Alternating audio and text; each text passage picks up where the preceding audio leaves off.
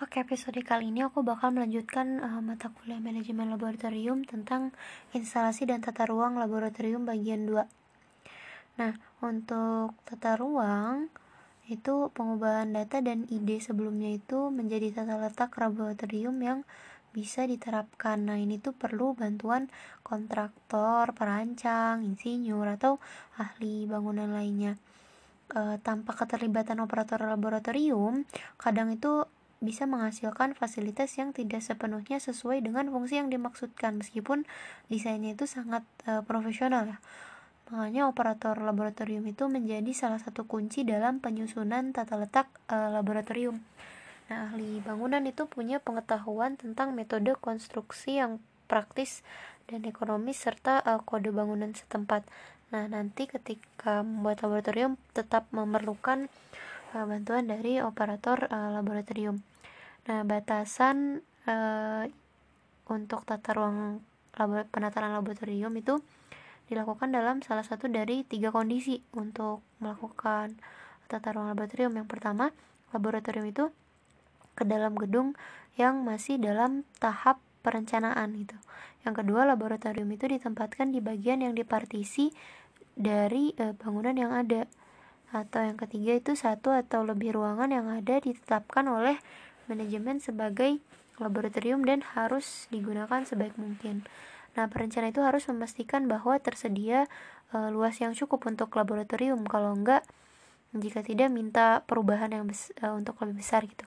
Gambar detail itu akan menunjukkan ukuran dan bentuk laboratorium yang e, sesuai dengan persyaratan e, laboratorium. Nah, kemudian e, pembuatan gambar skala untuk tata ruang. Jadi, siapkan gambar skala tepat dari luas laboratorium.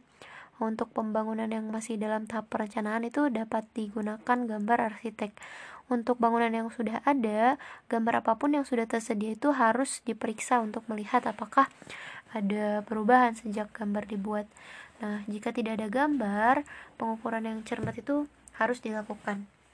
Pada gambar, semua detail pintu, jendela, tonjolan dinding pipa dan saluran pada dinding, saluran pembuangan, sambungan utilitas dan lain-lain itu harus diperhatikan. Salah satu salinan yang harus ditetapkan sebagai master. Jadi tidak ada item yang ditambahkan ke master sebelum final. Jadi harus punya salinan. Nah, menambahkan fitur yang diinginkan dilakukan di salinan lain dan salinan tersebut berakhir di keranjang sampah organisasi ruang gitu.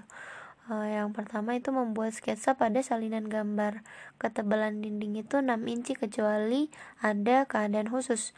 Lebar pintu yang lebih disukai adalah 36 inci tapi 30 inci mungkin dapat diterima menurut beberapa kode lokal pemasangan peralatan besar itu membutuhkan pintu ganda yang lebih besar biasanya lebarnya 60 inci. Untuk alasan keamanan laboratorium harus memiliki dua pintu keluar. Arah membuka pintu bukan ke lorongnya. Nah pola kerjanya. Yang pertama itu dibuat penempatan sementara peralatan tertentu Nah, perencana itu harus mencoba memvisualisasikan rutinitas laboratorium harian, hemat langkah, dan minimalkan kemacetan. Nah, gunakan daftar operasi untuk mengelompokkan bersama tugas-tugas yang rumit untuk efisiensi tertinggi dan keselamatan. Sampaikan pada arsitek atau desainer eh, yang mungkin memiliki komentar kritis tentang kurangnya kepraktisan dari sudut pandang pembangunan atau kesesuaiannya dengan kode. Nah, untuk dimensi meja kerja, tipikal meja kerja laboratorium itu memiliki tinggi 36 inci dan lebar 30 inci e, saat dipasang di dinding. Ukuran tersebut sudah termasuk rata-rata 7 inci di belakangnya termasuk untuk utilitas. Nah, lebar kabinet e, kabinet dasarnya itu biasanya 3, 23 inci. Nah, jika bangku dibentuk menjadi peninsula atau island, lebar total adalah 54 inci. Mungkin uh, lebih mungkin lebih jika bagian tengah yang memiliki rak atau utilitas tambahan. Jarak antara bangku kerja itu nggak boleh kurang dari 48 inci. Di laboratorium pendidikan disarankannya itu 60 inci karena lalu lintasnya lebih padat. Nah, untuk konfigurasi meja kerja. Bentuk ruangan itu akan menentukan lokasi meja kerja. Di ruangan yang sempit yang panjang, ruang kerja dapat ditempatkan dengan nyaman di sepanjang dinding. Di ruangan yang lebih luas, e, pulau praktis tapi e, menghadirkan masalah khusus, misalnya sambungan utilitas mungkin e, akan sulit terutama di gedung yang sudah ada kecuali ada akses mudah dari bawah. Jika sambungan saluran pembuangan diperlukan itu harus dibuat dari lantai bawah. Nah, untuk konfigurasi meja kerja ini ada tipe peninsula itu lebih baik daripada yang island utilitas dipasang di sepanjang dinding dan bercabang sesuai kebutuhan. Laboratorium pendidikan sering memiliki meja kerja tipe island umumnya dengan bak cuci di salah satu atau di kedua ujungnya ini bergantung pada ukuran ruangan. Penataan tipe peninsula itu dapat menghemat biaya besar tanpa kehilangan efisiensi. Nah, lemari penyimpanan dan rak penyimpanan laboratorium biasanya tersedia dalam berbagai lebar dan biasanya itu sedalam 12 inci. Kedalaman lebih dari ini tidak disarankan kecuali barang besar yang akan disimpan.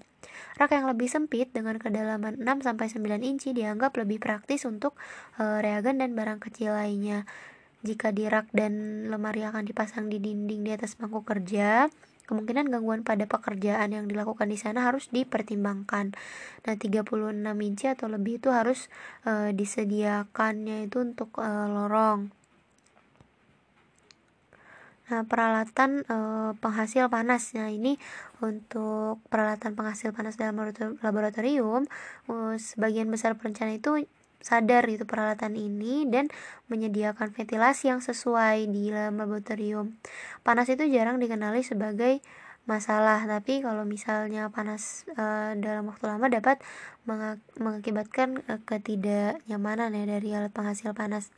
Kemudian bahan beracun dan mudah terbakar area untuk menangani racun atau bahan mudah terbakar itu harus dipisahkan ya. Bahan kimia seperti aseton misalnya.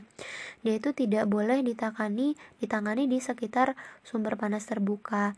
Kemudian pekerjaan dengan bahan yang sangat beracun itu harus diawasi secara ketat dibatasi e, di area yang ditentukan. Banyak operasi yang harus dilakukan di lemari asam. Nah ini untuk yang lain. Itu hanya e, diperlukan ventilasi yang baik. Nah, timbangan analitik. Timbangan analitik itu tidak dapat bekerja dengan baik jika ada getaran atau akan segera kadaluarsa setelah terpapar asap korosif.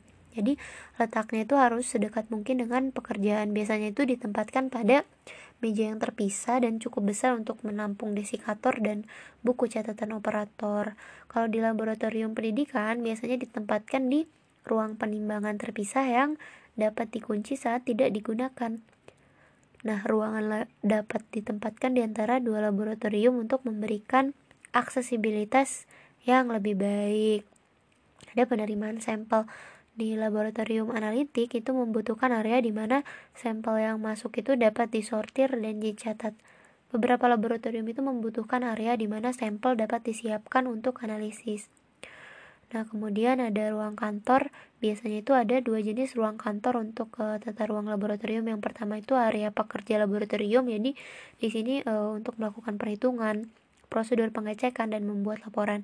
Kemudian yang kedua ada area supervisor laboratorium. Jadi e, untuk melakukan pekerjaan meja dan mengadakan konferensi atau percakapan telepon yang mungkin e, memerlukan privasi atau ketenangan.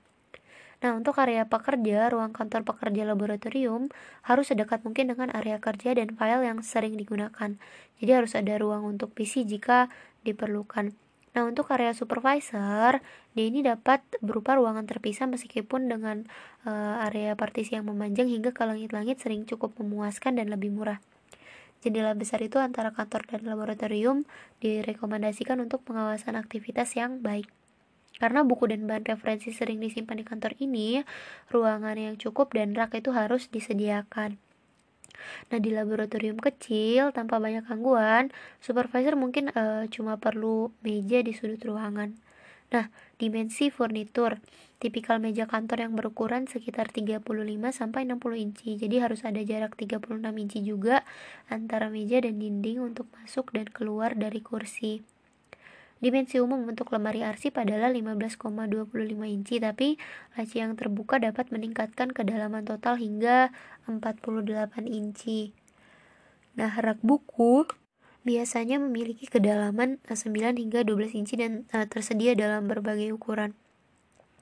Kemudian ada safety shower. Jadi safety shower ini harus dapat diakses langsung dan tidak lebih dari 10 detik dari area kerja. Jadi dia dapat ditempatkan di luar laboratorium, di tempat yang juga dapat digunakan untuk bagian lain dari bangunan. Laboratorium pendidikan atau fasilitas multi ruangan besar e, mungkin perlu safety shower di tiap ruangan. Nah, menyelesaikan tata letak itu seperti menyelesaikan puzzle. Jadi, melengkapi letak perlengkapan, memeriksa pola lalu lintas kerja, melengkapi lokasi utilitas, memeriksa keamanannya, pencahayaannya, gambar master, gambar kerja yang digunakan kontraktor selama konstruksi. Nah, mungkin itu aja untuk bagian uh, tata ruang laboratorium.